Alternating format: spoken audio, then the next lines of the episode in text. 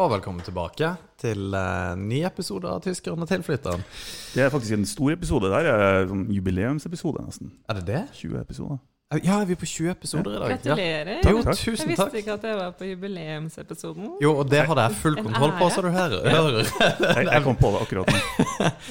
Ja, og er det første gang du hører, så er det eh, jeg som heter Alexander, som er tilflytter, og Martin som er tyskeren. Og i dag har vi med oss rykende ferske daglig leder i Rana regions næringsforening. Ingrid Ingvild Skogvold. Jeg, jeg, blir, jeg får alltid litt sånn panikk med at jeg glemmer navnet, og det fikk jeg nå. Men uh, Ingvild, velkommen til oss. Jeg syns du henta deg inn igjen. ja, jeg gjorde det. Jeg blir kalt Ingrid mange ganger. Ja, du, ja, og jeg blir kalt eh, Andreas for en eller annen grunn. Du ser litt ut som en Andreas. Ja, det er veldig mange som kaller meg Andreas. Det, det, Det er mange som tar feil av etternavnet mitt. Det er Skrøder og Skreiner og Skreiner. ja, alt mulig rart. Fett. Ja, det er kult. Du, Ingvild, du har jo da flytta fra Vålerenga i Oslo for å ta deg jobb her i Rana, og bor nå i Utskarpen. Og det er jo litt kult at du faktisk har bodd midt i smørøyet i Oslo. Og du har hatt eh, små barn der også, og på en måte du har jo levd et eh, liv. Både før barn og etter barn, og syntes det var greit. Men nå er du, nå er du her. Mm. Er, du, er du fortsatt fornøyd med valget? Nå er det jo Det kjennes jo litt som jeg er på ferie. Ja. Vi har jo vært eh, alle sommerferiene her. Ja, Så nå er vi i feriemodus, og så må vi jobbe i tillegg. Men det er liksom eh, vakkert og eh, flotte folk, flott natur. Eh, så det er kanskje virkeligheten synker inn når vinteren kommer. Men enn så lenge er det ganske idyllisk, altså. Ja, altså vi Virkelighet, jo- depresjon ja, for det Nok er av mange som si, snakker om det litt sånn som det er Game of Thrones. Det er sånn Bare vent, winter's coming, winter's coming. Så jeg vet ikke hvor ille det er, men uh, ja. Ja, vi klarer oss sikkert. Jeg sa jo det på, på veien hit, at jeg, jeg har jo PTSD etter den vinteren her. Men uh, den var jo ganske spesiell da, selvfølgelig. Men uh, Ja, det var jo i mai. Det ja, er jo ikke optimalt. Det, det, det er så drøyt, det.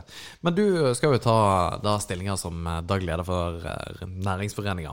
Og det blir jo eh, det er en ganske stor jobb å ta, og det er jo også en viktig jobb å ta. Det er jo en del ting som skjer her i byen. og Har du, har du rukket over og på en måte fått med deg alle prosjektene og alt som på en måte rører seg i næringslivet? Jeg tror jeg har Jeg har jo skumma overflaten. Mm, eh, og jeg har jo hatt ferie, så jeg har eh, vært i jobben egentlig litt over en måned. Eh, det var en verdens lengste juni. Jeg følte Det var ikke til ferie. Jeg var sånn jeg har bare vært der en måned. For det er vanvittig mye som skjer. Det er veldig veldig hyperaktive mennesker overalt. Som mm. de har sånn Ja, så jobber jeg der, og så sitter jeg i styret der, og så sitter jeg i styret der, og så er jeg, jeg gründer med det. Eh, Så aktivitetsnivået er jo vanvittig. Ja, det er det. Eh, Det er høyt, eh, og det er kjempegøy. Mm. Og så mange som Jeg har en følelse at det er mye positivt som skjer. Det er mange som ønsker Har veldig mange eh, gode tanker og ønsker mye med byutvikling. Da. Mm. Eh, eksempel at det kanskje kommer en batterifabrikk med flere tusen arbeidsplasser eh, Mm. i framtida. er jo superspennende. mm. Det, jeg visste jo litt om eh, Industriparken og at de drev med noe sirkulærøkonomi, men jeg, jeg ble litt slått i bakken av hvor utrolig mye kult de gjør på klima og, og det grønne skiftet. Mm. Mm. Det, jeg visste ikke at det var så i, i, så liksom, i verdensklasse, da. Eh, og en av de grønneste industriparkene i Europa. Det, ja, det er helt rått. Så, så jeg er blitt jeg, jeg tenkte at dette er kult, denne jobben gleder jeg meg til. Og så kom jeg hit og, og ble rett og slett veldig ja, litt sånn overvelda av hvor mye kult som skjer her. Oh, ja. Så jeg har bare overgått forventningene. Det er jo kjempekult. Ja, jeg, har- the bat to spørsmål. Eh, For jeg tenker litt sånn eh, sirkulære økonomi og så det grønne skiftet. Og det er liksom begrep som vi hører veldig veldig ofte. I hvert fall det grønne skiftet. Du hører det jo til stadighet. Eh, Hva, hva er det egentlig? Hva er det? Ja, hva, eh, Det, det er jo ikke så jeg- jeg føler- Det er ikke så mystisk. nei, jeg føler bare det har blitt et litt sånn fluffy begrep. Ja. Men det har jo en reell kjerne. Ja. Eh, kan du si litt om det? Det grønne skiftet er jo det skiftet som må til for at vi skal komme oss ut av en klimakrise. Eller i hvert fall redusere de mest skadelige omfangene av de. Mm. Ja. Og da kan vi jo ikke fortsette med så mange utslipp som vi har i dag. Nei. Og det som er så kult, er at man snakker hele tida, eh, hvis man hører det fra, fra nasjonale politikere, snakker om at eh, ja, vi må finne de nye løsningene, framtidens løsninger for det grønne skiftet. Og så bare, det er faktisk noen som holder på med det i dag, og de kan komme hit til Rana og se, at, se på noen av de. Å ja, du er der, ja. Ja, Ja, ja, ja, men eh, jeg tror vi fikk besøk av noen, noen venner. Jeg tror vi, eh, vi satt liksom Jeg tror vi satt og snakka om alt det kule som skjer i Rana i sånn to timer. Vi bare OK, kanskje. kanskje skal roe litt ned. Vi er, vi er litt sånn litt frelste begge to. Ja, ja. Men det er jo, da er du jo i rett stilling, da. Ja. Ja, ja, Definitivt. Det er veldig, veldig gøy å få lov til å snakke så mye om, Ja. Om alt det kule som skjer. Så bra. Eh, hvordan har uh, den her Vi er jo jeg, jeg, jeg, jeg nekter å bruke begrepet de disse tider eller disse koronatider. Hva skal eller- man si da? Det er ikke noe annet. Nei, jeg har sagt det mange ganger. Ja, ja, vi gjør det. I disse koronatider. These times. Eh, og du er kommet inn som ny leder i eh, Rana regions næringsforening, og næringa på mange områder sliter jo. Mm. Eh, mens på andre områder eh, gjør det veldig, veldig bra. Kanskje enda bedre enn de ellers ville gjort. Eh, men men hvordan, hvordan utfordringer ser du for deg sånn personlig, eh, eller i jobben din da, fremover, i forbindelse med den situasjonen vi er i? For det er en utrolig spesiell situasjon, Mm. spesielt med tanke på den rollen som du har. Det, eh, det jeg har tenkt på, er at det er førstepri Mm. akkurat nå. Eh, det er jo å støtte opp om de som er mest ramma. Og vi hadde jo, eh, før jeg begynte, og da det virkelig traff, så, så satte Rana Utvikling eh, og, og Næringsforeninga Krisestab sammen. Og eh, tok og eh, sendte ut spørreundersøkelser og jobba veldig mye for å få fram eh, hva, er som, hva er det næringslivet trenger akkurat nå eh, her i regionen. Eh, og så fulgte vi opp med en spørreundersøkelse rett før sommeren for å se liksom, hvordan er situasjonen eh, nå. Og eh, heldigvis så, ser det jo, så, så peker jo pilene i riktig retning. Det er ikke like dramatisk som det var i ja, mars-april. Men det er jo mange som lever med veldig mye usikkerhet. Og det var mange som sa at det kommer an på hvordan det går i sommer. Det er jo også positivt at det er mange i serveringsbransjen og reiselivsbransjen og, eh, og også butikker og kjøpesentre som merker at ja, de som kommer, de norske turistene har lagt igjen en del penger, og, og det er mange som har mye å gjøre. Men det blir, eh, det blir spennende å se egentlig nå til høsten, også hvis du ser på industrien og de som er eh, Det er veldig mange eksportretta virksomheter her. Uh, så det er eh, også begrensa kanskje hva, hva norske myndigheter kan gjøre for å, for å bøte på hvis det skjer ting internasjonalt ikke sant, som gjør at ting fryser Klart. opp. Så um, det, det blir jo Det er jo ikke over, som dere sier. Vi er jo egentlig midt i det, og det er ingen som veit hvor lenge det her vil vare, eller hvor, hvor store konsekvenser det vil ha for norsk økonomi. Mm. Men jeg var i hvert fall for min egen del, da, personlig, var jeg glad for å bo i Norge da det her traff. Og tenkte liksom Det har jeg òg tenkt på. Av alle steder Mm. eh, Norske myndigheter, myndigheter har håndtert det her veldig bra. Mm. Og at de var så raskt ute eh, for å, med liksom krisepakke på krisepakke. Og så ser vi at det er noen som uh, har sagt at de, de, de uh, faller mellom noen stoler. At uh, de ikke oppfyller kriteriene og, og sitter med ingenting. Så det er noen huller som er igjen, Mm. som man må tette. Men ja, man kunne bodd mange andre steder og hatt mye mer panikk enn det vi har her. Ja, for du Her er det jo nesten Også fra Oslo, så å komme opp hit, da er det liksom Jeg glemmer noen ganger når jeg sitter i utskarpen, at det faktisk foregår. For du merker det ikke like mye i hverdagen, kanskje, mm. som det man gjør når man bor i en, ja, i en by hvor alt var stengt. For du Du eh, nevnte jo akkurat dette her før vi kom hit, og da var eh, Da sa du at du, du er glad for at du ikke var i Italia. Og Ja. du har jo litt eh, erfaring fra, fra Italia, for du, du har bodd der i mange år. Ja, jeg var jo veldig jeg var, For jeg var to til jeg var sju. Ja, Jo, jo. Snakk, snakk du italiensk? Ja, ja, jeg gjør Du det. gjør det! Det var egentlig et tullespørsmål. Ja.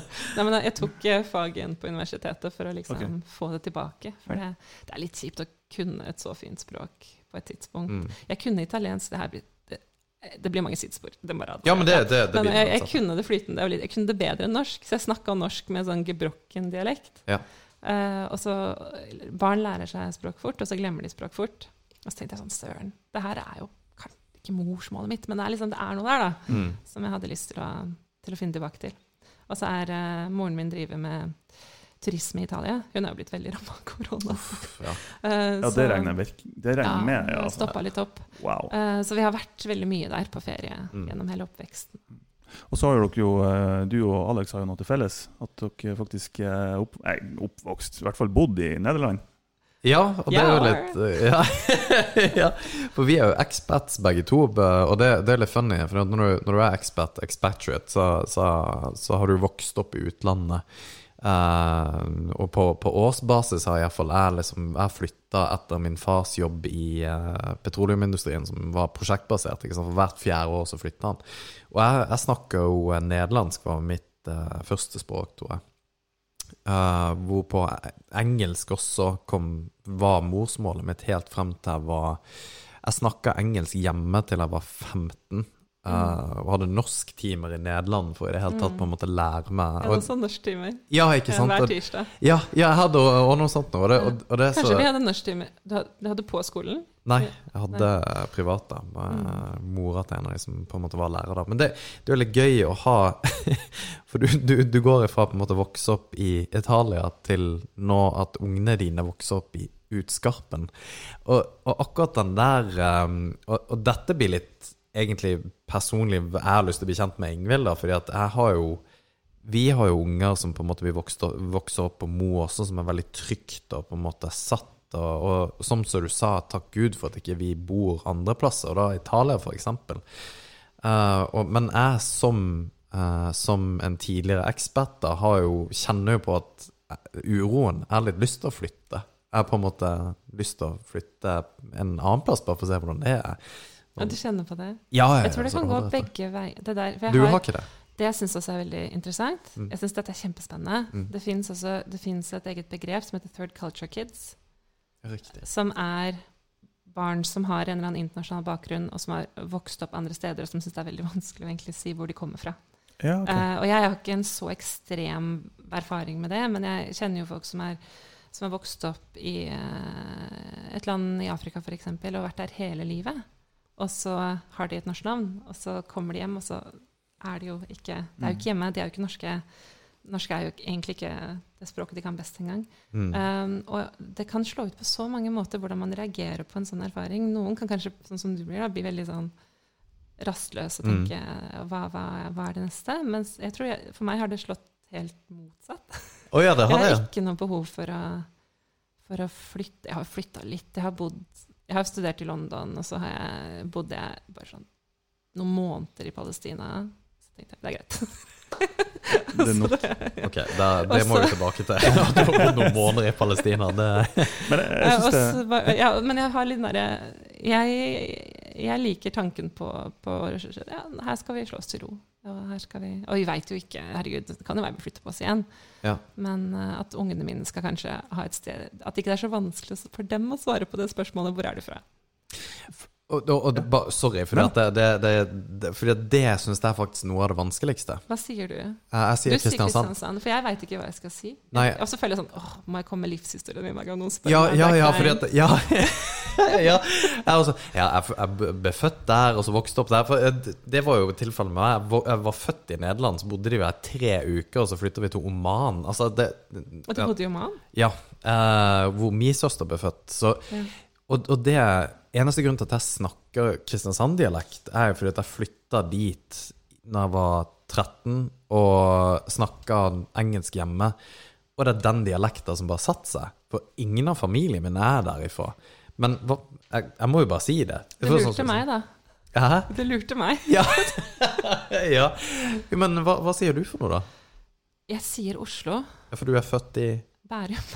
Ja, ja. ja. Men, men jeg flytta fra Jeg bodde i Bærum fra jeg var 12 til 18, jeg var 18. Og så flytta jeg til Oslo, så jeg bodde i Oslo. Det er der jeg bodde lengst. Mm. Uh, nei, jeg burde jo egentlig si Bærum. Jeg vet ikke, men det, det er uh... Bærum og Oslo for min del, til og med som ikke er så mange timer unna, ja, nesten det samme. nesten samme Ja. Ja. Ikke for alle. Jeg, jeg, er, Nei, det vet jeg. jeg er født på Båsmo. Ja. Ja, du, du vet ikke det, altså. Det spiller ingen rolle. Jo, jeg vet det. Det, det kunne like så godt vært i Sverige Ja.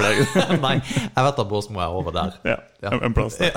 Men, men jeg syns det var veldig eh, Jeg har egentlig aldri helt tenkt på det, for hvor man kommer ifra, er jo ofte en, en ganske stor del, i hvert fall for mange deler av identiteten sin. Mm. Jeg er nordmann, jeg er amerikaner, jeg er, jeg er ditt, jeg er datt.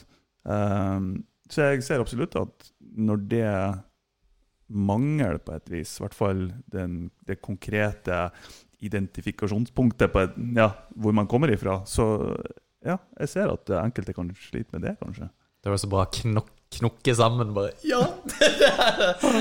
Nei, men det, Det her det blir sånn psykolog. Jeg vet faktisk ikke hvem jeg er. Hvem er du? Ja, hvem er jeg egentlig? Kan du beskrive deg sjøl? Nei, men jeg må finne Jeg, tror, jeg, jeg har ikke funnet uh, det riktige korte svaret ennå. Men jeg tror jeg bare må begynne å si Bærum. Ja, for, Men det er også fordi det var ikke Jeg, hadde, jeg trivdes ikke så godt der. mm. Så det er derfor jeg ikke vil si det. For det er Oslo som er byen min. Det er det, er det som er liksom Mm. Stedet jeg eh, nå føler meg mest hjemme. Da. Kanskje det blir Utskarpen snart. Steik, Når vi liksom får landa litt. Ja. Krever, Jeg er utskarpening. Utskarpenværing. Uts, utskarpenværing. Uskarpen Nei, whatever. Men du, du, Jeg liker at jeg veit det. Nei, Men du hadde bodd, du bodde noen eh, Fordi at når vi kom hit, så sa du hvis folk googler meg, så, så er det mye om Palestina-aktivist. Ja. Og så, og så har, du, eh, har du bodd noen måneder i Palestina, og bare kunne si det er jo ganske kult. Ja, men jeg føler ikke at det er For jeg, jeg har jo mange som kjenner mange som har bodd over mye lengre tid. Mens jeg, Palestina. ja, for ja. jeg jobba med det i mange år. I, um, jeg jobba i Norsk Folkehjelp før jeg eller, Ja, da jeg bodde i Oslo. Eh, og så bodde jeg Jeg jobba først med Palestina der, og så bytta jeg jobb til eh, en sånn lederstøttestilling for generalsekretæren. Mm. Um, men um, det var Jo, jeg studerte uh, Israel-Palestina. Så det var, jeg er egentlig Midtøsten-viter. Er du det? Ja. Å ja. Steike. Men vi trenger ikke å gå inn på den diskusjonen. Men, uh, Er det bare bare litt er, uh, interessant, for når ja. jeg sier at jeg bodde i Oman, så folk tror det er en annen planet. Ja. De har aldri hørt om landet. Men du vet, da vet jo du godt, da, Oman. Jeg vet ikke så mye om Oman, men, Nei, nei, men altså men jeg at vet jo ja, hvor det ja. ligger. Og, uh, ja. Er du Midtøsten-hviter? Er det det du Midtøsten. Men jeg, jeg, det er i hvert fall det jeg har utdanninga okay. mi som. da. Superspennende. Uh, og så tenkte jeg sånn, jeg kan ikke, hvis jeg skal jobbe med det her, så må jeg jo ha vært der. Mm. Kan ikke bare sitte og lese om det. Så da begynte jeg, jeg og noen studievenner fikk oss jobber på et universitet i en by som heter Nablus på Vestbredden. Og noen blei der et år, og jeg blei der i tre måneder. En av de kuleste surfeklubbene i verden er på Vestbredden. På Vestbredden? Nei, ikke på Vestbredden. Jo, Nei. det er faktisk Det er jo uh, De har jo ikke ha, tilgang til havet. Nei, hva pokker er det? Men det er jo den der uh, Gaza? Gazastripen, er det? Ja, Ja. det har jeg sett video på. Sorry. Det er helt rått. Ja, At det går. Ja, ja. Men var det forkleina? Er det er en verdensmann, og så bare Kan det ikke forskjell på. Vestbredden og Gaza? Øst, vest. Ja. Men Gazastripen, ja, det er en av de kuleste surfeklubbene i verden. Og det, det, det er jo uh, israelitter og palestinere sammen. Er det det? Mm, det er sånn Ja. mixed, og det er litt fett. De møtes gjennom surfinga da, vet du. Og... Jeg tror det må være et annet sted, for det er ikke så mange, det er ikke noen israelere der. Nei, ok, greit. Det... Men det skal jeg google. Ja, det må du gjøre. I hvert fall det første som jeg, jeg måtte prøve å google deg, siden du sa, du sa det. Det første som kommer opp, er radikalportal. Det hørtes ut Ja, ja, nei, fordi Jeg var jo spurt om å skrive innlegg om Palestina fra ulike blogger, og sånn, så jeg ja, ja, ja. Så da finner du meg forskjellige, forskjellige steder. Ja, kult. Hva er det som gjør at du på en måte brenner for nettopp det, da? At du er et aktivist for det? Det, jeg tror det skal mye Hvis du har vært der og sett det, så tror jeg Altså handler det for meg handler det om at det er, det er noe som skader alle der. Det er noe som skader eh, israelere, noe som skader palestinere. Palestinere så klart mye, mye mer enn den jevne israeler, hvis du ser bare på tallene liksom, og hvem som lever under okkupasjon og blokade. Men det er jo dritt for alle. Det er, det er helt, ja, og det, det er helt uholdbart. At det kan fortsette, og så har det fortsatt og fortsatt. Tenk på liksom hvor traumatisert en befolkning må bli etter så mange tiår med det der. Mm. Og så blir det bare verre og verre. Men det, det blei jo bare verre og verre mens jeg jobba med det. jo, det er nok Um, ikke din feil, da. Nei, jeg, jeg tar ikke det på min kappe. Men, um, men det er eh, Jeg kommer nok alltid til å ha det engasjementet, så klart. Ja. Det, det er jo eh, Så får du liksom? Du blir jo kjent med folk, og du blir jo veldig glad Jeg er jo kjempeglad i plassen og maten og folka og kulturen. Mm. Det er, eh, jeg anbefaler egentlig alle å reise til Palestina. Det er veldig spesielt at det er et så heftig egentlig, konfliktområde som er så tilgjengelig. For du Ja. kan bare reise inn. Du kan, sant, du kan lande i Israel, så kan du komme deg gjennom kontrollposter over til Vestbredden. Og så kan du, hvis, ja, hvis du kjenner noen, liksom, og, og noen ordner litt for deg, så, så kan du dra overalt. Mm. Du kan dra steder palestinere ikke kan dra, som, eh, som eh, internasjonal. Jeg tenker For, for eh, det er kanskje der eh, for, fordommene kommer litt inn, ikke verken mot folk eller noe sånt, men om områder generelt sett. For hvis jeg har sagt at hvis jeg har sagt til mamma at du, jeg drar til Palestina i sommer, så har ikke hun begynt å bli. Mamma syns ikke det var en veldig god idé. Hvert fall heller ikke da jeg sa jeg skal til Gaza. Ikke sant? Men, men hvordan er turistnæringa der? Er det noe de er veldig avhengige av? Eh, for man ser, altså, ikke for å trekke paralleller, men, men Spania, ja, for, ja. Spania, Italia og sånt Jeg tror du kom til å si Mosjøen. ja, det, Ja, det er en annen, en annen. Men eh, de blir jo veldig hardt ramma av når turistnæringa går til grunne. Eh, hvordan har det, vil det påvirke Palestina og Israel? Nei, det Er det like Det er ikke- hardt for dem, eller? eh? Jeg vet Er det ikke så mye om næringer? Israel, men det er hele nær... Nå, nå trenger, vi, trenger vi ikke å snakke så mye om Israel. Nei. det, var det, det, egentlig, var min feil, da. Um, og jeg inn på det. Men, eh, nei, men det er jo en, en okkupasjon som, som hindrer den økonomiske utviklinga. Ja. Så det at det kommer en, en pandemi, det er jo først og fremst et helsemessig problem. Økonomien er litt sånn er eh, Det er krise. Mm. Uavhengig av Mm. covid, da. Mm. Mm. Den er strupa. Det er hardt. ja, og nei, vi, vi trenger ikke å prate kun om Palestina, men jeg syns det er litt interessant. Fordi det, det er gøy å bli kjent med det, Ingvild. Eh, og bare liksom hva, hva som egentlig rører uh, ved det. Og det er, det er, er helt enig med Martin. Jeg har jo bodd nede i uh, Midtøsten, men jeg har liksom tenkt alltid at Palestina var ikke en plass man kunne dra til. Og det er jo litt gøy at man da liksom Det er faktisk ikke noe problem. Eh, og det er sannsynligvis trygt uansett, da, hvis du drar ned dit uh, med de rette forbeholdene, da. Det farligste er trafikken. Og det er det som regel når man reiser i sånne land eh, sør for uh, Tyskland. ja, jeg skulle si det. Det farligste er trafikken. I Vietnam ja, Det er veldig trygt for oss. Er det trygt. Digresjon med trafikken er bare at jeg, jeg var i Vietnam og reiste i mm, veldig lang tid, da. Eh, rundt omkring Sørøst-Asia. Og der er det jo Altså, det at jeg ikke er daua i trafikken der, er et under. For der er det bare størst er først. Det, og så tuter de i svingen. Aldri vært så der, men jeg tror det er verre. Ja, det er det. Da er du herda. Mm. de bare tuter, så at du skal vite at du kommer for svingen, så må du liksom høre på tutinga. Hvis den er stor, så må du, ok, da må du passe. Hvis det er lite, så bare gi faen. ja, det, det er helt drøyt. Men eh, ja, nok om det. Så fra Palestina til Utskarpen, det er um, Kul tittel eh, til en biografi, hvis du noensinne skal skrive den. Memoar. Ja.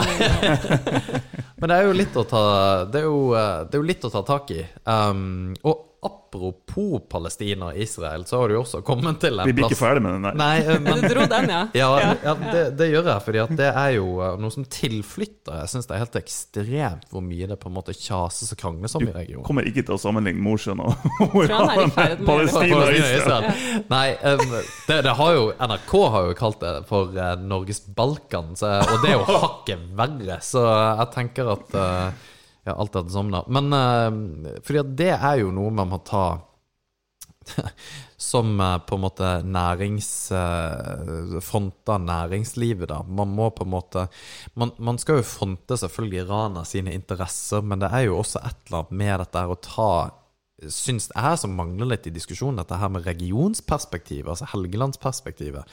Og så utrolig glad for at det kommer noen fra utsida inn som er ung, som tar den jobben, fordi at det trengs. Nå, nå er jo ikke det Sånn som vi snakka om vi, før vi skulle hit, da, så, så du, du, skal ikke, du skal ikke ha en håndspåleggelse på næringslivet Det, altså, du, du er jo på en måte en forvalter av et, um, av et nettverk, da. Men allikevel å på en måte Og jeg tror de fleste som driver med næring i Iran, er jo også enig i at vi må Altså, hvis hele regionen gjør det bra, så gjør jo alle det bra. Um, men har du fått noe inntrykk av, uh, av på en måte den kranglefant-biten som er her? Jeg har jo lest Ranabladet i mange år. Ja. Jeg har jo vært, eh, vært her uh, eh, jevnlig i, i over ti år. Så jeg har jo fulgt egentlig en del med på, på lokale ja, eller regionale saker. Ja. Fra sykehus til flyplass til Det blir sånn sak etter sak. Men um, det, jeg, det jeg tenker er synd med det, da, det er jo at det nesten blir det, det er jo litt for dumt om det blir et omdømmeproblem. For reiseliv og andre næringer. Det, det blir for dumt. Det er så utrolig mye man kan samarbeide om. Og, eh, så, og jeg tror det, det er mange som gjør det og klarer det helt fint. Mm. Så det er jo også om å kanskje la, eh, la de som snakker med innestemme, komme fram òg. For det, det, er, det er ikke Er det representativt, egentlig? Det er det. er det det, det. Jeg tror ikke det. Nei. Jeg tror man kanskje bare henger seg opp i noen ytterpunkter som Og de aller, aller fleste er jo ikke, er jo ikke der. Mm. De fleste vil jo få til samarbeid og få til ting sammen. Og vil det beste for Helgeland. Da. Ja. Hvordan kan man gi de som snakker med innestemme, sånn som meg lage egen podkast. Ja, hei, vi har løsninger. Nei, men hvordan kan man gi dem en arena egentlig for å, for å uh, høre de meningene som er minst like viktige uh, for temaet? Er det noe er det, er det, Skal vi bare godta at det er dem som roper høyest, som får spalteplass, og som får eh, Men det er jo ikke bare et problem her, da. Nei da, det er ikke det. Det er jo et globalt Ja. problem. Eh, og vi lever i en tid hvor kanalene legger opp til uh, at eh, jo, jo mer polemisk og uh, jo De som bruker mest tid på kommentarfeltene, er liksom de som Mm. Da får du inntrykk av at, at Og det er det folk mener. Mm. Uh, nei, men jeg tenker jo sånne arenaer er veldig fint. da. At man liksom At man har uh, kanaler og, og medier hvor man kan bare sette seg ned, ha gode samtaler over lengre tid. Og, uh, men jeg, jeg har jo Apropos mye å sette meg inn i. Det, jeg har jo fulgt med litt fra utsida over lengre tid, men jeg ser jo egentlig fram til å bli bedre kjent med ikke bare næringslivet her i regionen, men også hele Helgeland. Da. Og Mm. se, altså, lære mer om de som får til kule samarbeidsprosjekter eh, på tvers av, av de skillene som noen har satt opp. Da. Og, og kanskje heller fokusere på de, og det er kanskje en del av min jobb òg, å få fram de gode historiene om de som, eh, de som får det til. Mm. Mm. Ja, for Vi løfter opp de. jeg tror jo også at det, det ikke nødvendigvis er sånn at folk krangler så mye, men det, det blir et Det virker som at det er så voldsomt, ikke sant? At folk krangler så vanvittig. Det blir veldig prominent i, i mediebildet spesielt. Og jeg mener jo at media òg bør ta eh, et større ansvar enn det de gjør. Eh, men ja, det er egentlig en helt annen diskusjon. Den kunne vi ha snakka lenge om. Eh, men, men for å gå litt tilbake til, til kjernen, egentlig. For jeg tenker hvis noen Altså, hva, hva er rollen, og hva er målet til uh, Rana regions næringsforening? Hva, hva, hvorfor eksisterer? Hva er ja. Ja. Hva er du- vår purpose so why? Jeg, jeg tenker litt sånn uh, Se litt publikumsmessig, da. Um, vi har jo et, heldigvis et veldig bredt spekter på publikummet vårt, men en del er ganske ung. Og hvis jeg har spurt dem hva er Rana regions næringsforening, så tror jeg ikke de har hatt sånn kjempegodt svar. Så, så hvordan, hva er deres oppgave i alt det her? Det er eh, Man skal jobbe for gode rammebetingelser for næringslivet i regionen. Eh, man skal fremme medlemmers interesser. Og vi, er jo en medlemsorganisasjon. Mm. Og eh, egentlig veldig spredt medlemsmasse fra de store industriaktørene til frisøren på hjørnet, til gründere, til kommuner. Det er en veldig sånn bredde. Så det handler jo om eh, profilering av næringslivet, av regionen. Eh, egentlig sånne ting som eh, byutvikling er nok noe vi kommer til å jobbe mye med framover. Og eh, noe som vil gagne hele samfunnet da, og næringslivet også, enn at, eh, at eh, byen skal bli et godt sted å bo, at folk skal trives der. Mm. Hva betyr det? At byen skal være et godt sted å bo? Er det, er det, altså er det fordi at det skal være litt sånn At det skal være fint der? Er det at det skal være enkelt for næringslivet? Altså Byutviklingen seg sjøl syns jeg er veldig interessant uh, for hvordan Altså, hva betyr det egentlig? Altså, er det at det skal være flere folk i byen? Er det byutvikling, eller er det et miljø er der, eller hva greier? Da, da hørte jeg det var noen som hadde prata med en sånn spesialist som hadde vært i Rana og gått gjennom sentrum her og sagt at uh, gatene er for store. Og det syns jeg var utrolig interessant, fordi at hvis du ser Stockholm, så er gatene kjempesmå. Mm. Og det, du skaper på en måte friksjon mellom folk og greier. Og det, det, er en ting jeg aldri har tenkt på et issue, at det er for stor plass der, liksom. Men det, det kunne jo være en av tingene. Men hva, Det, hva, har jeg faktisk ikke tenkt på. Uh, for uh, både når jeg har vært i Jeg har reist litt rundt omkring, uh, og det er en av de tingene som har fått meg til å huske en plass, er når noe føles eh, på en måte intimt og lokalt og litt sånn Ja, Mm. det skal ikke bli for stort. Da, da mister det personlige tilknytninga til plassen. Eh, som i f.eks. Dublin og til og med San Francisco, når jeg var der. Det er jo masse smågater overalt som du kryper inn i, og det skaper litt sjel og litt Mm. personlighet på byen. da, Litt preg. Eh, og så kommer du til Mo, lille plassen. Så kunne hatt fire trailere på sida av hverandre i gågata. så jeg ser den. har, du sett, det? har du sett bildene? Hvis du googler Mo i Rana, har du sett bildene som kommer opp? Nei. Jeg tror det er kommunen sin nettside som har det. Og det er bilder av sentrum i Rana. Folketomme. Altså, det er ikke folk der. Så de er liksom Fotografen har nok tenkt at vi står opp kjempetidlig og får liksom bilde av eh, Mo sentrum, så at det ser på at du får liksom med deg hele sentrum, da. Men det ser jo ut som det er Ghost Town. Det Ja. Men det, for du lista opp ikke sant, mange ting. Hva er byutvikling? Og, Ja, ja, jeg og det, mater på. Det er jo alle de tingene. Det er jo et veldig komplisert og veldig bredt fagfelt da, med stedsutvikling og byutvikling. Og det, det handler jo om uh, alt fra det fysiske til det sosiale miljøet. Og det Jeg veit ikke om jeg Infrastruktur og Ja, infrastruktur og universell utforming. Um, aktivitet og liv i gatene. Det, det, er, det er så mange elementer som spiller inn. da. Eh, på om, om at alle skal trives. Mm. eh, I alle aldersgrupper og eh, med alle bakgrunner. Mm. Så det er egentlig superkomplisert. Mm. Og så må man jo alltid tilpasse det til det stedet.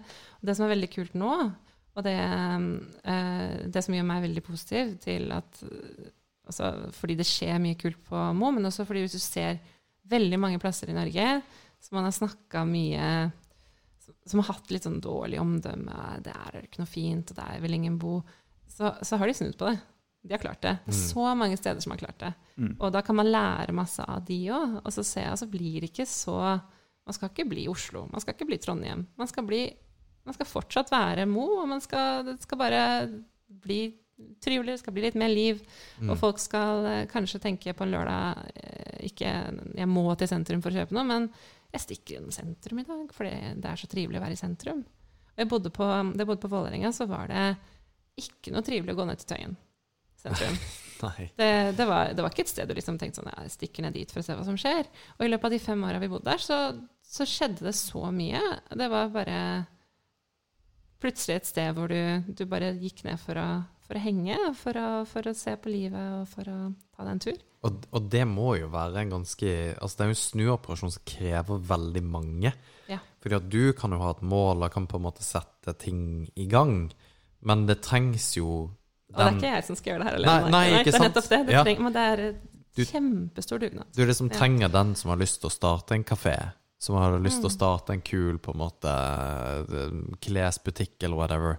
Som får lokalet til en, en penge som de faktisk kan bruke, da. Eh, Ta Studio A, eh, som det Alex som var her, da. Han driver Studio A frisører i byen. Og da har jo Haaland Eiendom har jo lagt til rette for at det på en måte skulle skje. Og, og det er det jeg syns er så bra med regionen her, at det virker som at folk er Nå, nå bæsja akkurat i stad med å si at dette her var uh, Norges Balkan, men det, det, det, det er mer uh, kanskje regionalt, mens her i byen så syns jeg det er veldig mange folk som på en måte heier på hverandre. Ja. Jeg jo, har jo vært veldig engasjert i gründere, og det, det er helt vanvittig hvor mange som Ja, ja, altså gründere må jo liksom få flere av, og uh, legge til rette for at det skjer. eh, og, og det har jeg veldig sansen for at det, det faktisk er lagt til rette her, da. Og det blir spennende å se hvem som på en måte Jeg håper at det er flere som tør å på en måte satse på kanskje butikken sin, eller eh, ja, et eller annet. Jeg, føler at eh, det du sier nå, stemmer eh, hvis, man, altså, hvis man knytter mot altså, aktørene i seg sjøl. Altså, eh, om det er Haaland eller om det er de som, altså, gründerne som ønsker å starte, så, så syns jeg at det stemmer det du sier. Men jeg syns at eh, Kall det publikum, altså oss vanlige innbyggere, eh, er veldig polarisert sånn sett. Jeg syns det er noen som er veldig positive og oppmuntrende og motiverende, eh, mens eh, altfor mange er negative. Ja. Altfor mange. Med en gang man stikker hodet ut, enten det er innenfor næring, at man har en idé eller et konsept, eller som privatperson, så er det det kommer øksa med en gang. Jeg har opplevd det sjøl. Eh, vi har hatt gjester på, på, uh, på podkasten som har opplevd akkurat det samme. Uh, og jeg, jeg tror vi har uh, en jobb å gjøre der, som, eh, som Det høres fluffy ut, men som samfunn. Eh, at ikke bare eh, Man kan ikke bare legge seg tilbake og, og forvente at uh, næringa skal eh, utvikle en by. For det, det er like mye innbyggerne sjøl, føler jeg òg. Ja, men det er jo det. Det er jo, det er jo samspillet der. Det er jo som å sitte og klage på, som jeg er veldig flink på, at det ikke de, det er de rette artistene på Verket, festivalen her. Ja, det gjør Og så går jeg ikke på Verket. Når kommer Nå, Kent til verket, liksom? Ken ja, ok. Den der tror jeg ikke. Men hva, hva, hva var det for noe? Ja. Hvor, kom Kent? Jeg har, jeg har vært pådriver i mange år for å få Kent til verket. Nei, nei, vi kan ikke gå inn i den. Nei, det, takk skal du ha. Den der går ikke på. Men, det, men, men det, det er sant, og det, det er jo en jobb du for det- Altså, hvordan skal man ta tak i det, på en måte? Og det er jo det der handle lokalt-initiativet er jo kanskje litt der hvor man på en måte må skjønne litt å handle lokalt. Og, og det er jeg for så vidt enig i også, men så tenker jeg at det, man må se litt dypere inn i det, og hva, hva er på en måte handlemønsteret til folk? Kommer folk til å handle i fysiske butikker om ti år? Og om de gjør det, kommer den kjøpsmønsteren som vi har hatt, være den samme om ti år som har vært de siste 40? Sannsynligvis ikke. Så vi må på en måte Det der eh, vi, vi må på en måte åpne opp for eh, innovative tankegang i det å drive næring. um, som blir litt uh, greia, tror jeg, da. Har du noen tanker å Ja, unnskyld. Nei, det var mange spor man kunne følge. Ja, ja, når det gjelder byutvikling, så er det jo det som har funka Det er jo folk som har forska på det her. Hva, hva er det som funker? Hva er suksesskriteriene? De stedene de faktisk har klart å få til helt reell byutvikling, som er målbar. At den har, det har gått i positiv retning. Og eh, da har de fått til et forpliktende samarbeid mellom kommunen, gårdeier og næringsliv. Sånn at eh, det ikke liksom blir en sånn adhoc-greie, hvor man der og da eh, te tenker at nå skal vi ha dette tidsbegrensa opplegget, og så skal vi få til byutvikling i løpet av et år. Men at man faktisk klarer å få et felles utfordringsbilde og en felles strategi og handlingsplan som alle er enige om, og som alle forplikter seg til, og så har man en struktur for det samarbeidet. Og så tilpasser man det så klart lokalt, og så må man ha inn fagpersoner som kan det her. Jeg kan det ikke. Jeg kan, jo, ikke, jeg kan jo ikke byutvikling. Du er ikke byplanlegger? Jeg er ikke byplanlegger. Men, men man, eh, man veit en del om hva som, hva som er suksesskriteriene for andre steder, som, som vi kan lære her. Da. Så jeg, jeg tror det er ikke rocket science. Det her får vi til. Og så er det et eller annet med jeg, et folk, Det er veldig deilig å klage, da. Må, Altså, folk må få lov til å klage selv. litt. Jeg er skyldig sjøl. Men, men det er, ting kan snu så fort. Og eh, bare fordi folk snakker om noe på én måte i dag, så, så skal det veldig lite til før de eh, plutselig så er eh, Mo i Rana verdens hyggeligste sentrum, hvor alle har lyst til å være, på, eh, også på hverdager. Og det er eh, bare Det, det er et Tøyen-eksempel igjen, liksom. Det, det, det kan snu kjempefort. Drammen. Ja, det, det er jo et Det tar meg litt tid nå å liksom venne meg til Nå har jeg vent meg til at det, er ikke er, du kan ikke bruke Drammen som et skjellsord lenger, for Nei. du trives faktisk i Drammen. Ja, jeg vet det. Og, det. og det var jo reelt for ikke så altfor mange år siden. At du Ja. kan ikke være i Drammen. Det, det, altså, det gikk bare ikke. Og, bare og jeg husker Tøyen husker jeg også fra kanskje en stund tilbake. Hvor Tøyen, da ble det jo rana, på en måte. Mens nå er det kjent for meg. Jeg kjenner ikke til eh, Å ja, Tøyen var jo liksom Det er jo uh, Ja. Så, det var ikke så Det var litt opphausa. Det Ja, har aldri vært liksom Nei, og det kommer jo fra ei som Det er jo Oslo. Ja, ja, ja, ja, ikke sant? Men ja, og Når verdens tryggeste by. ja, ja. Men allikevel Tøyen for, for, Av i verdens tryggeste land, så er vel kanskje Tøyen eh, en av de mindre trygge plassene. Eh, Nå er det jo Men anyway, Ja. Men det kan snu, poenget poenget mitt er at det kan snu fort. Ja. Og selv om man liksom eh, Folk bruker ikke sentrum, folk gjør Det kan snu. Hvis, hvis, og, og folk er faktisk veldig tilpasningsdyktige. Hvis de ser at nei, vet du hva, her skjer det ting, så, og de, da begynner de å, å snakke om det på en, på en annen måte også. mm. Og jeg har jo bare, jeg har ikke truffet noen av de der Jeg har bare truffet superpositive folk som heier andre fram, som du beskrev. Ja. Så det, Kanskje det jeg sier feil omgangskrets her. Du kan men kanskje, kanskje det kommer etter hvert. Nei, jeg har bare truffet uh, Hvorfor er folk så negative så mot meg, liksom? Nei da. Jeg, jeg, tror, jeg skal ikke si hvem som sa det, for jeg husker ikke. Men eh, hva var at det, det er ikke noe som får folk til å holde sammen raskere enn å finne en felles fiende. Så jeg mener jo at vi burde satse enda hardere på å kjefte på dem sørpå. Uh, typ Oslo og Sør på Vesten. eh, Ikke Oslo, altså, men Nei, nei, nei, ikke så langt sørpå. Så det, det er jo en reell strategi. For. Nei da, tull bare. Tull bare. Vestenværingene, har sikkert noen lyttere der òg. Det har vi garantert, og det er jo hele poenget at vi skal ha. Men uh, nok om det, for å skyte oss sjøl i foten. Men det blir jo Ja, for det blir jo en, en veldig kul greie å gjøre, og interessant å følge med på. For jeg syns det har skjedd mye bare på tida jeg bodde der. Jeg bodde her i fem år. Og det ser bedre ut eh, at du Bare den der eh, Jeg vet ikke om du har gått tur langs vannet her. Og, så fint. ja, ikke sant, det Mm. som står der. Og det Moholmen og alt dette her, det er blitt veldig, veldig bra, altså. Og så Mm. er det på, hvis det går i den retninga, og vi har, vi har på en måte at alle også drar i den retninga, Mm. så blir det veldig Veldig bra. Det blir bedre å bo her. Um, og det Å få Ja. nye folk hit òg, for den saks skyld. Og beholde de som er. Og Altså en vinn-vinn-situasjon for eh, folk, for kommune, for næringsliv, for alle. Så jeg tror uh, det, her, det her får vi til. Det er bra at, uh, at uh, du har så optimistisk holdning. Det Enn så lenge er jeg Ja. superoptimist. Ja. Ja. Jeg, jeg føler meg litt nyfrelst. Ja, ja, men det, vi Vi får se hvor lenge det varer. det er en bra start, i hvert fall. Men eh, ja, jeg er helt enig. For, for eksempel den promenaden nede på Mm. Som er utrolig pen. Mm. Eh, men ja, Jeg har vært der noen ganger i det siste, selvfølgelig. Men eh, det tok ganske lang tid før jeg var der og sjekka den ut. Mm. Og jeg har bodd der i 36 år. Um, Mm. Nå har ikke den vært i 36 år, da. Men, uh, så jeg, jeg tenker at man har òg et ansvar som, um, som innbyggere å å faktisk benytte seg av de tilbudene som finnes lokalt. For det, det syns jeg vi er for dårlige på. Altså. Ja, ja, ja. Det er altfor mye og det, det er selvfølgelig positivt det òg, å, å dra på en fjelltopp, men jeg føler at det er altfor mye fjelltopp og altfor lite hva er det som skjer liksom, hva er det som skjer i bybildet, og, og eh, ja, dra utnytte av de tilbudene som vi faktisk har. ja, jeg er helt enig. Det, um, Det- det synes jeg. For, men, men igjen, jeg, jeg er jo skyldig sjøl. Jeg, jeg bor jo nesten midt i byen, Mm. og jeg drar jo ikke til byen. Jeg gjør ikke det. Men jeg er tenker sånn, ok, hva skal, jeg, hva skal jeg gjøre i byen hvis jeg ikke har noe helt konkret jeg skal handle? Um, og det jeg kommer på sånn off the top of my head nå, så er det ja, jeg kan ta en kaffe på Brasil Barista. Men det er stort sett der det stopper, egentlig. Um, Du er jo Ja. jo, men, jo, men jeg helt, helt seriøst, så jeg tenker at eh, en del er selvfølgelig at ansvaret ligger på, på meg å faktisk gå ut og gjøre ting, men òg med tanke på tilbud. Mm. Um, det, det er jo det vi var inne på da med Jo. byutviklinga, er at man må jo ha flere aktører med i spillet. Det er det som Mm. blir på en måte Ja. casen. Og det er derfor jeg håper de Men det er jo alle disse småtingene som da bidrar til at det faktisk blir.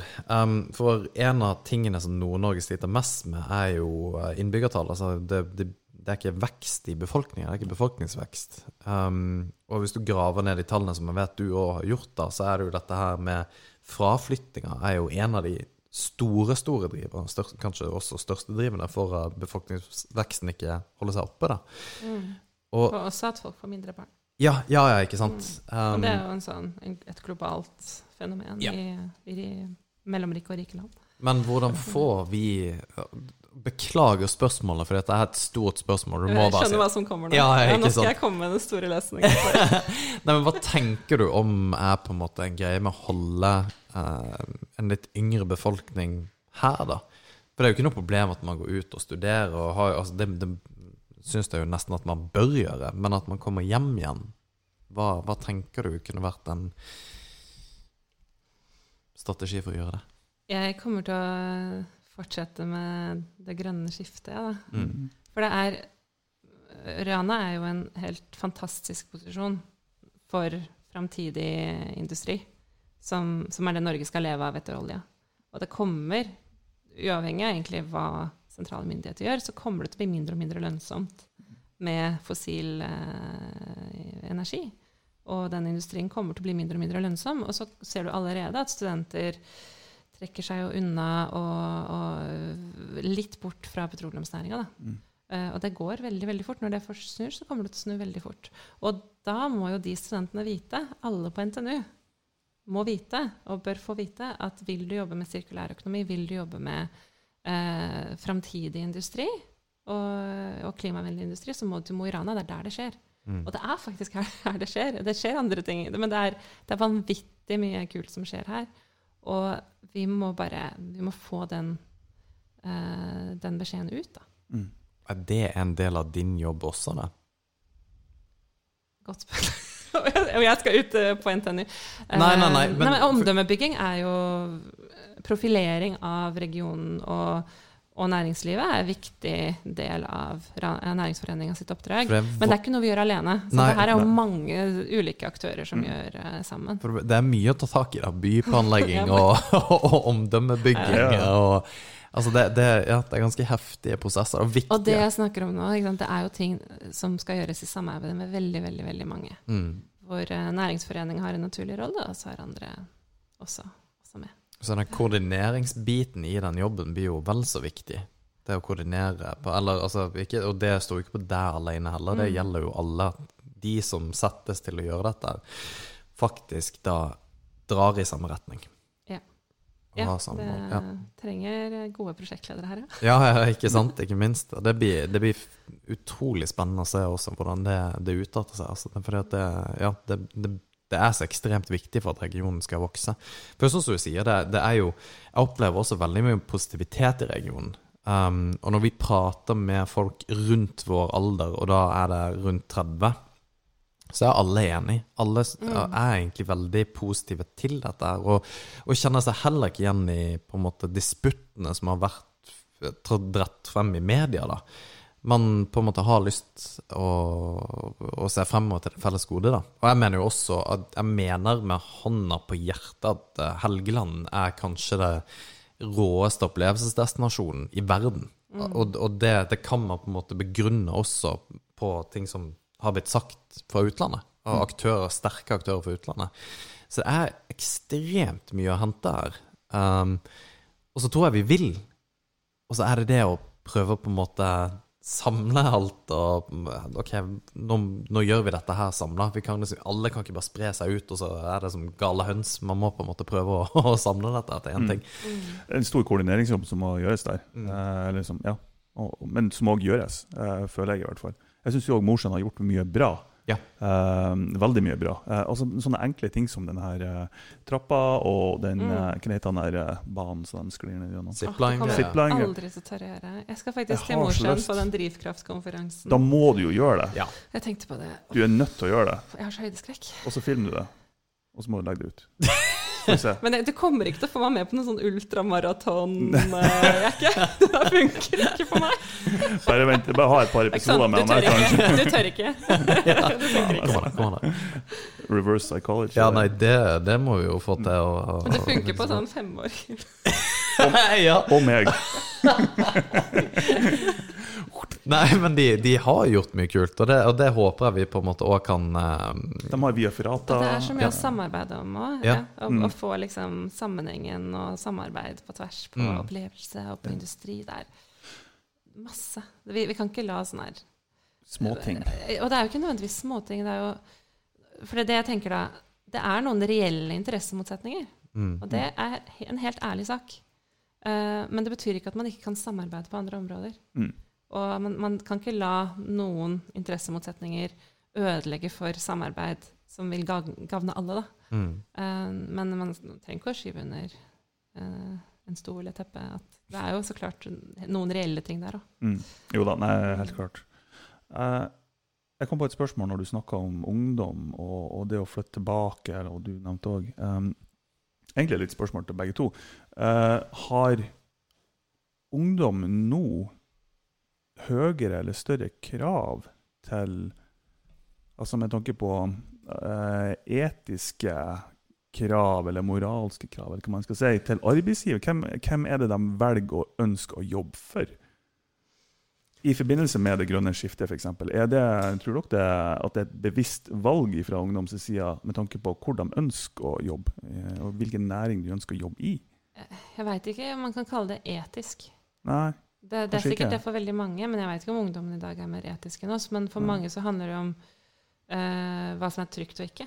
Ja. Hva, hva er det man ser money i et uh, 10-20 års perspektiv? ja. Og du ser jo også nå uh, søkertallene kom ut, uh, og da har jo ungdom søkt høyere utdanning eh, under en global pandemi. Og da får jo de trygge yrkene en, eh, en klar økning. Mm. Så de, de ungdom ønsker også trygghet. Men tror du ikke, og det, det er en diskusjon, Uh, Mm. tror du ikke at det er et uh, Altså at det er et direkte resultat av pandemien?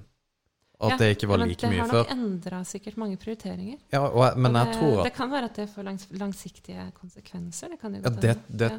Jeg tror jo det at folk vil på en måte tenke mye mer trygghet nå Mm. enn de noensinne har gjort. Altså det fri, og det er synd for frie yrker som på en måte som Mm. kulturlivet er bygd opp av. Vi har jo prata med mange kulturlivsaktører som på en måte Kanskje man skulle egentlig Også unge kulturlivsaktører som på en måte tenker på at nei, dette her kan de ikke gjøre lenger, fordi at de har ikke Altså, det går ikke an å, å leve på det. Og, det. og det er ekstremt synd. Og, det, og Mm. jeg tror jo at vi Mye av hva pandemien har gjort Det, er mye interessant, det er mye bra eh, som faktisk har skjedd pga. det, men jeg tror også at det kommer til å dra oss en litt annen retning. Jeg tror jo det kan være litt etiske eh, At ungdommer kanskje tenker litt etisk, da, i forhold til eh, bruk og konsumsamfunnet. At det å Mm. bruke, bruke, bruke, bruke At man eh, Ja, det er kult å jobbe for Facebook, men vil du virkelig gjøre det? For det er jo et bunnråttent selskap, ikke sant? Ja, nei, jeg Tenker mer om, om det er et bevisst valg fra ungdoms side, at, eh, at det er det som er tanken bak det. Men eh, det er jo ikke sikkert det Nei, det. Nei, jeg har ikke. Men de er jo mye mer opptatt av klima og miljø, og det er jo ikke ikke så rart, for de skal jo arve kloden. Ja. Mm. Det er jo de som skal ta over det her, Mm. etter uh, vi og foreldrene våre har, har hatt all moro. Etter, etter at vi har hatt fest, så de må rydde opp på nachspielet. Og spesielt Så klart for dem så blir jo eh, og sikkert mye Det er mye etisk i det òg, men, men det er veldig veldig håndfast og reelt. At det Ja. handler jo om framtida deres. Det er klart. Mm. Og, um, og da, hva er en framtidsretta næring i 2020? Det, da må man se bort en annen retning enn en fossil. Ja, Det, det er det finner du her. På, Ja. Ja, ja. Hva, hva, er som, hva er det da i på Mo? Altså hvilke type næringer, eller hva er det som overrasker deg mest når du flytter hit, da?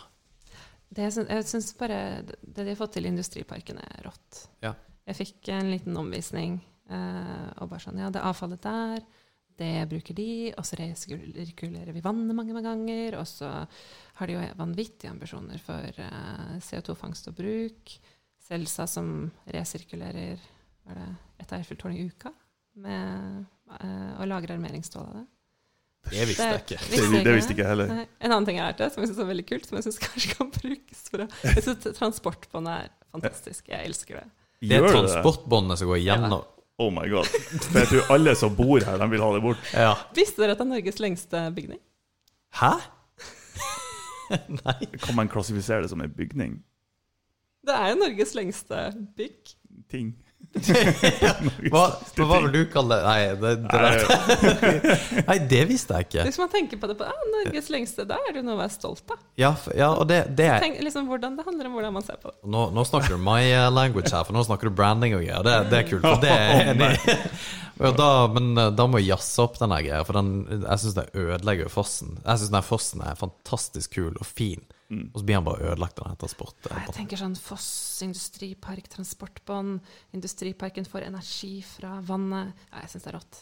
Kunne vi ikke ha latt noen uh, unge, flinke taggere gå løs på transportbåndet og bare lage kunst ut av det, eller et eller annet? why not? Ja. Nå lager vi gratis ideer til eh, industriparken. Ja. Ja. Nei, det er copyright. Så jeg skal lisensbasert. Jo, det hadde Nei, det visste jeg ikke. Det er mye kule ting. Men det, hva, hva var det spesielt med industriparken, da? Det er at de har at de, sirkulærøkonomi Det høres jo er litt sånn fluffy ut, hva betyr det? Altså, og bare å se at de faktisk gjør det i praksis. Mm. At avfall blir eh, et produkt som kan selges, at det ikke bare blir søppel. Um, og det er ressurser som kan brukes igjen og igjen, og at du hele tiden at, du faktisk, at de har fått med så mange på eh, ulike bedrifter på eh, å få det til i praksis. Da.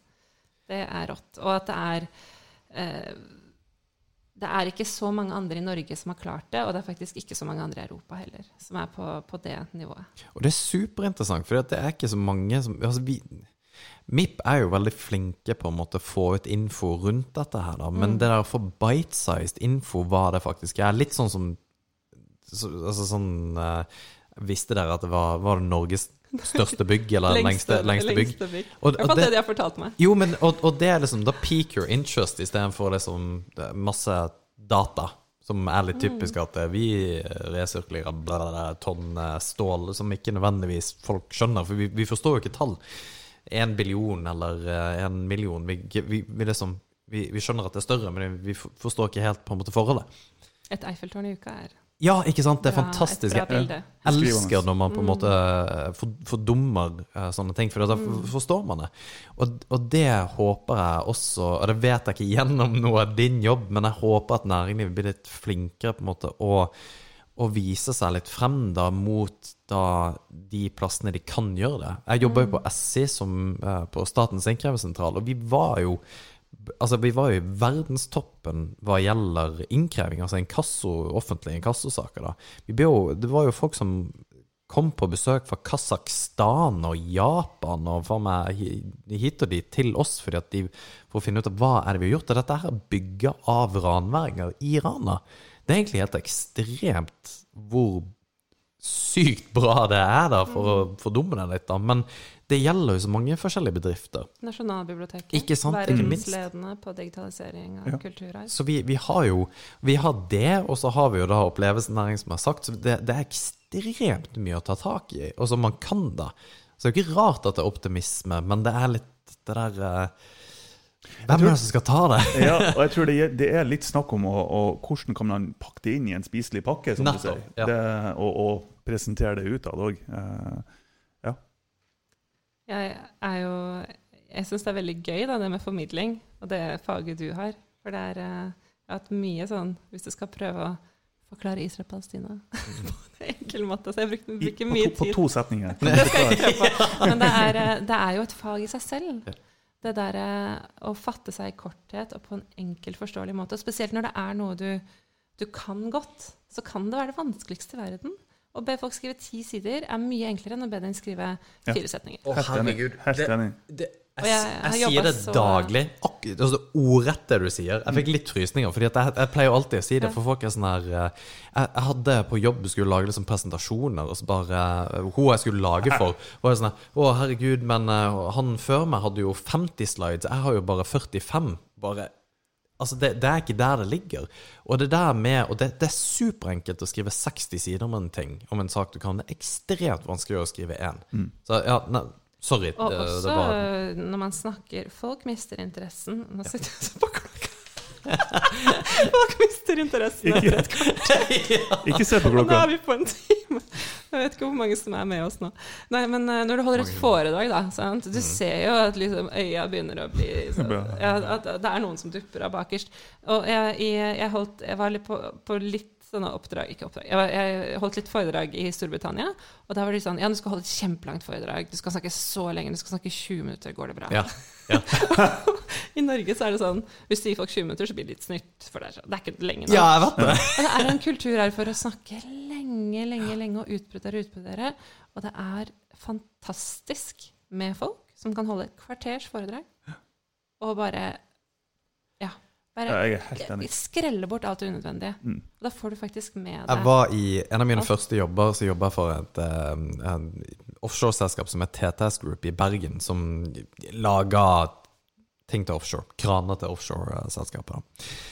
Og det var et veldig interessant selskap for investorer, så vi hadde jo sånne kvartalspresentasjoner nede i, nede i Oslo. Og dette var min første jobb eh, ut fra skolen. Og så sitter jeg, og jeg var med da VP of Communications. Jeg var liksom hennes høyre hånd, og vi skulle liksom jobbe frem dette her til potensielle investorer. og DN var der, og hele pakka. Og han jabba, og han jabba, og han jabba. Han er administrerende direktøren. Jeg bare satt der og tenkte Sitter folk faktisk Det er greit at ja, vi har tjent så og så mye, og dette her er det vi gjør, og bla, bla, bla. Men han snakka så jævlig lenge. Og så jeg måtte ringe min far og spørre er det seriøst vits i å prate så lenge om en ting? Og han bare Nei, det er det overhodet ikke. Og det, det er så sjukt at det er indoktrinert å bare sitte og høre altså jabbe, jabbe, jabbe. jabbe. Og det offentlige er helt jævlig på det. Jeg, jeg tror det har mye med Så jeg må holde bremsen på dette, fordi at det irriterer meg så ja, grenseløst. jeg og du har hatt noen diskusjoner om akkurat det her, Ja, faktisk. Som vi ikke kan gjenta her. Men ja, formidling, det der Men det er eh, jo ikke en diskusjon, for det er jo Det er jo ikke noe å være uenig i. Det, det er best å fatte seg i korthet. Ja, er det absolutt beste. helt klart. Men det absolutt vanskeligste, altså. Mm. Men hva, sy hva syns du om jobben? For vi, vi har jo vært gjennom veldig mye her nå. Og um, jeg tror hvis vi på en måte ikke skulle bare holdt oss på næringsforeninger, så tror vi kunne sikkert prata i tre timer. Uh, men hva, hva er det hva, Hvordan ser du jobben, da? Fordi det er litt daunting òg, fordi det er jo veldig mye å ta tak i. Eller Ja, altså er jeg en person, da. Så jeg må jo bare prioritere. mm. Jeg får ikke gjort alt. Det er en Nei. jobb med uendelig mange oppgaver. Uh, og jeg er veldig sånn Jeg er veldig glad i organisasjonsarbeid. Så det å, å få liksom bygge organisasjon det er, jeg, jeg vet det høres litt rart ut, men jeg brenner for det. Jeg leser vedtekter. Jeg, jeg er supernerd. Jeg prøver å liksom gjemme det og skjule det. Hvorfor det? Det må du ikke gjøre. Nei, men det er bare Det kan bli litt mye, da, med, med lange diskusjoner. I min forrige jobb hadde en kollega som jeg hadde en veldig sånn god kollega, vi jobber litt nærme, og vi hadde lange diskusjoner. Lange, lange, lange. Flere dager gikk denne diskusjonen om liksom riktig arkivering av styreprotokoller. Det er Dere vil ikke dit, liksom. Men, og jeg, jeg, jeg må på en måte aktivt noen ganger bare Nå går det for langt. Nå, nå, ingen bryr seg. Ingen bryr seg. Ingen, ingen bryr seg. Ja. Um, Jeg synes det, sånt syns jeg er helt fantastisk. Ja. Jeg ja, er jo jeg nerd sjøl, ikke sant. Jeg kommer fra en bedriftskultur der altså, nerder blir jo sett Altså, det er jo en kjempepositiv greie. Ja. Så vi har jo masse sånne folk. jeg syns det er helt herlig. Jeg er sånn nerd på organisasjonssiden, da. Ja, ja. Så jeg, jeg, jeg gleder meg liksom til å til å få um, for, for jeg er jo helt avhengig, jeg kjenner jo ikke så mange, ikke sant? så jeg må jo få på plass en, sånn, en struktur hvor det går enkelt an å spille inn til meg. Hva, hvor er det skoen trykker for din bransje? Eh, kanskje um, at, at eh, hvis du er medlem av næringsforeninga, at du enkelt kan engasjere deg. Eh, at det er liksom ja, det er, det er ikke bare sånn at du betaler kontingent en gang i året, men at du skjønner at å, jeg kan faktisk være med i den gruppa, eller jeg kan få til det, jeg kan arrangere det. Uh, så litt fordi jeg er en person uh, alene òg, så, så er jeg jo avhengig av å, og, og, legge til rette for at vi kan være flere som gjør ting. Mm. og at ikke det bare er meg som ansatt som, eh, som må gjøre alt. Og så spille på styret, så klart. Og det er jo eh, en gjeng med superengasjerte folk Mm. som eh, eh, Ja, de, de har tatt Jeg har blitt tatt så godt imot av alle. Bra. Hvordan, er det sånn at eh, enkelte, om ikke næringer, men, men bedrifter kommer til deg med bekymringer eh, sånn nå for tida når det er, står på som verst? og liksom, hvordan, hvordan er det forholdet der? Er det veldig tett, direkte mot bedrifter? Eller er Jeg kjenner jo ikke så mange ennå, men Nei. jeg vet at uh, styreleder Trine Gabor hun, Mm. hun er, kjenner jo alle. Og, og det er veldig mange som har, eh, har tatt eh, kontakt direkte med henne. Og jeg håper jo at når folk blir bedre kjent med meg, at uh, de også kan føle seg trygge på at de bare kan ringe meg. Ja. mm. nå, nå får vi se hvor mange telefoner jeg får. Nedringt i morgen. Men det er jo en sånn Det kommer jo til å ta litt tid. Og eh, jeg er jo, eh, jeg er jo liksom Jeg er jo ny, samtidig som jeg kjenner jo Rana ganske godt allerede. Men jeg kjenner jo ikke næringslivet så veldig godt fra før.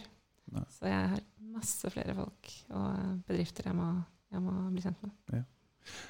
Det du er jo ny fortsatt. Ja, Bare Eh, understreke. Jeg skal bare- dra det kortet så lenge jeg kan.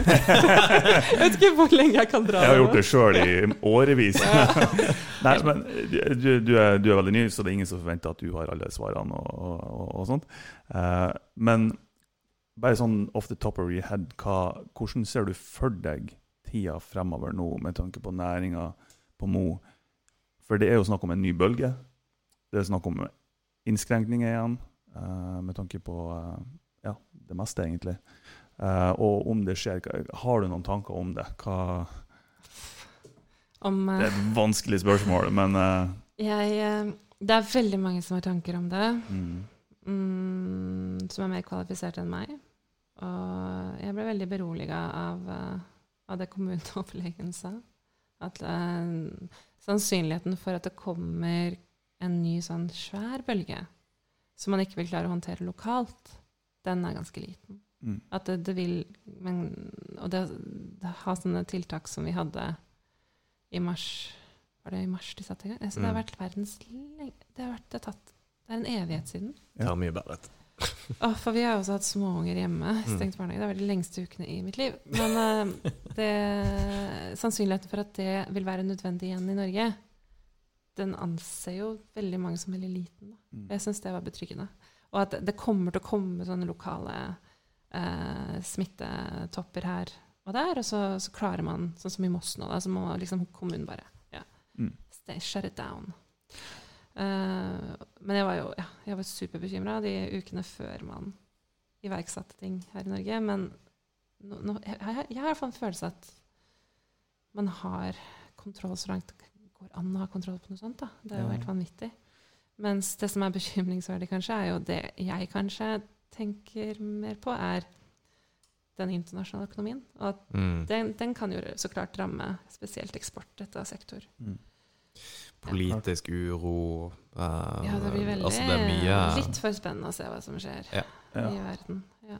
Det, blir, uh, Det er bare skalkelukene uh, i utskarpen, da. Det er, Det kan, herregud, jeg er jo egentlig ganske optimistisk, så Ja. jeg, jeg tror det, det kan jo gå helt OK. Men jeg tror det kan endre på noen geopolitiske strukturer på en måte som, er, ja, ja, som vi ikke er vant til. Da. mm. det blir spennende i november. Det blir uh, ja.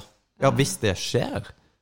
Han prøver Ja, seg på Han Ja. prøver å utsette Men det der er, nei, Nei, det der er lovfesta i Grunnloven. deres, Det så er det kan han faktisk ikke gjøre. Nei, men uh, Ingvild, det, det er utrolig gøy å prate med deg. Og vi uh, Rett dame på rett plass. Det, Til rett du, tid. Til rett tid, ja. Du er jo uh, vanvittig ydmyk. Det er litt gøy å høre. Det, og du, du er Jeg føler jeg sitter og skryter, men det er bra. Nei, men du er veldig klar på det du er flink på, hva du på en måte ikke nødvendigvis er like flink på. Og det, det, Det er en trygghet, faktisk, Ja, for det- dem som både hører på og som skal ha med deg å gjøre. Ja. Ja, det, det mener jeg. Og du, eh, du virker som at eh, jeg har lært masse på en måte hva som rører seg nå i næringslivet, hva som må tas tak i, og altså de Folk må liksom every, All hands on deck, da. Folk må på en måte dra litt til. Og det, det håper jeg at uh, folk gjør. Jeg håper at man på en måte sammen nå spiller hverandre gode. Um, at man også hjelper til hverandre der man er flinke til å hjelpe til. Og at uh, ikke minst at man uh, også gir, gis muligheten til å hjelpe, um, er en liten greie. Um, ja.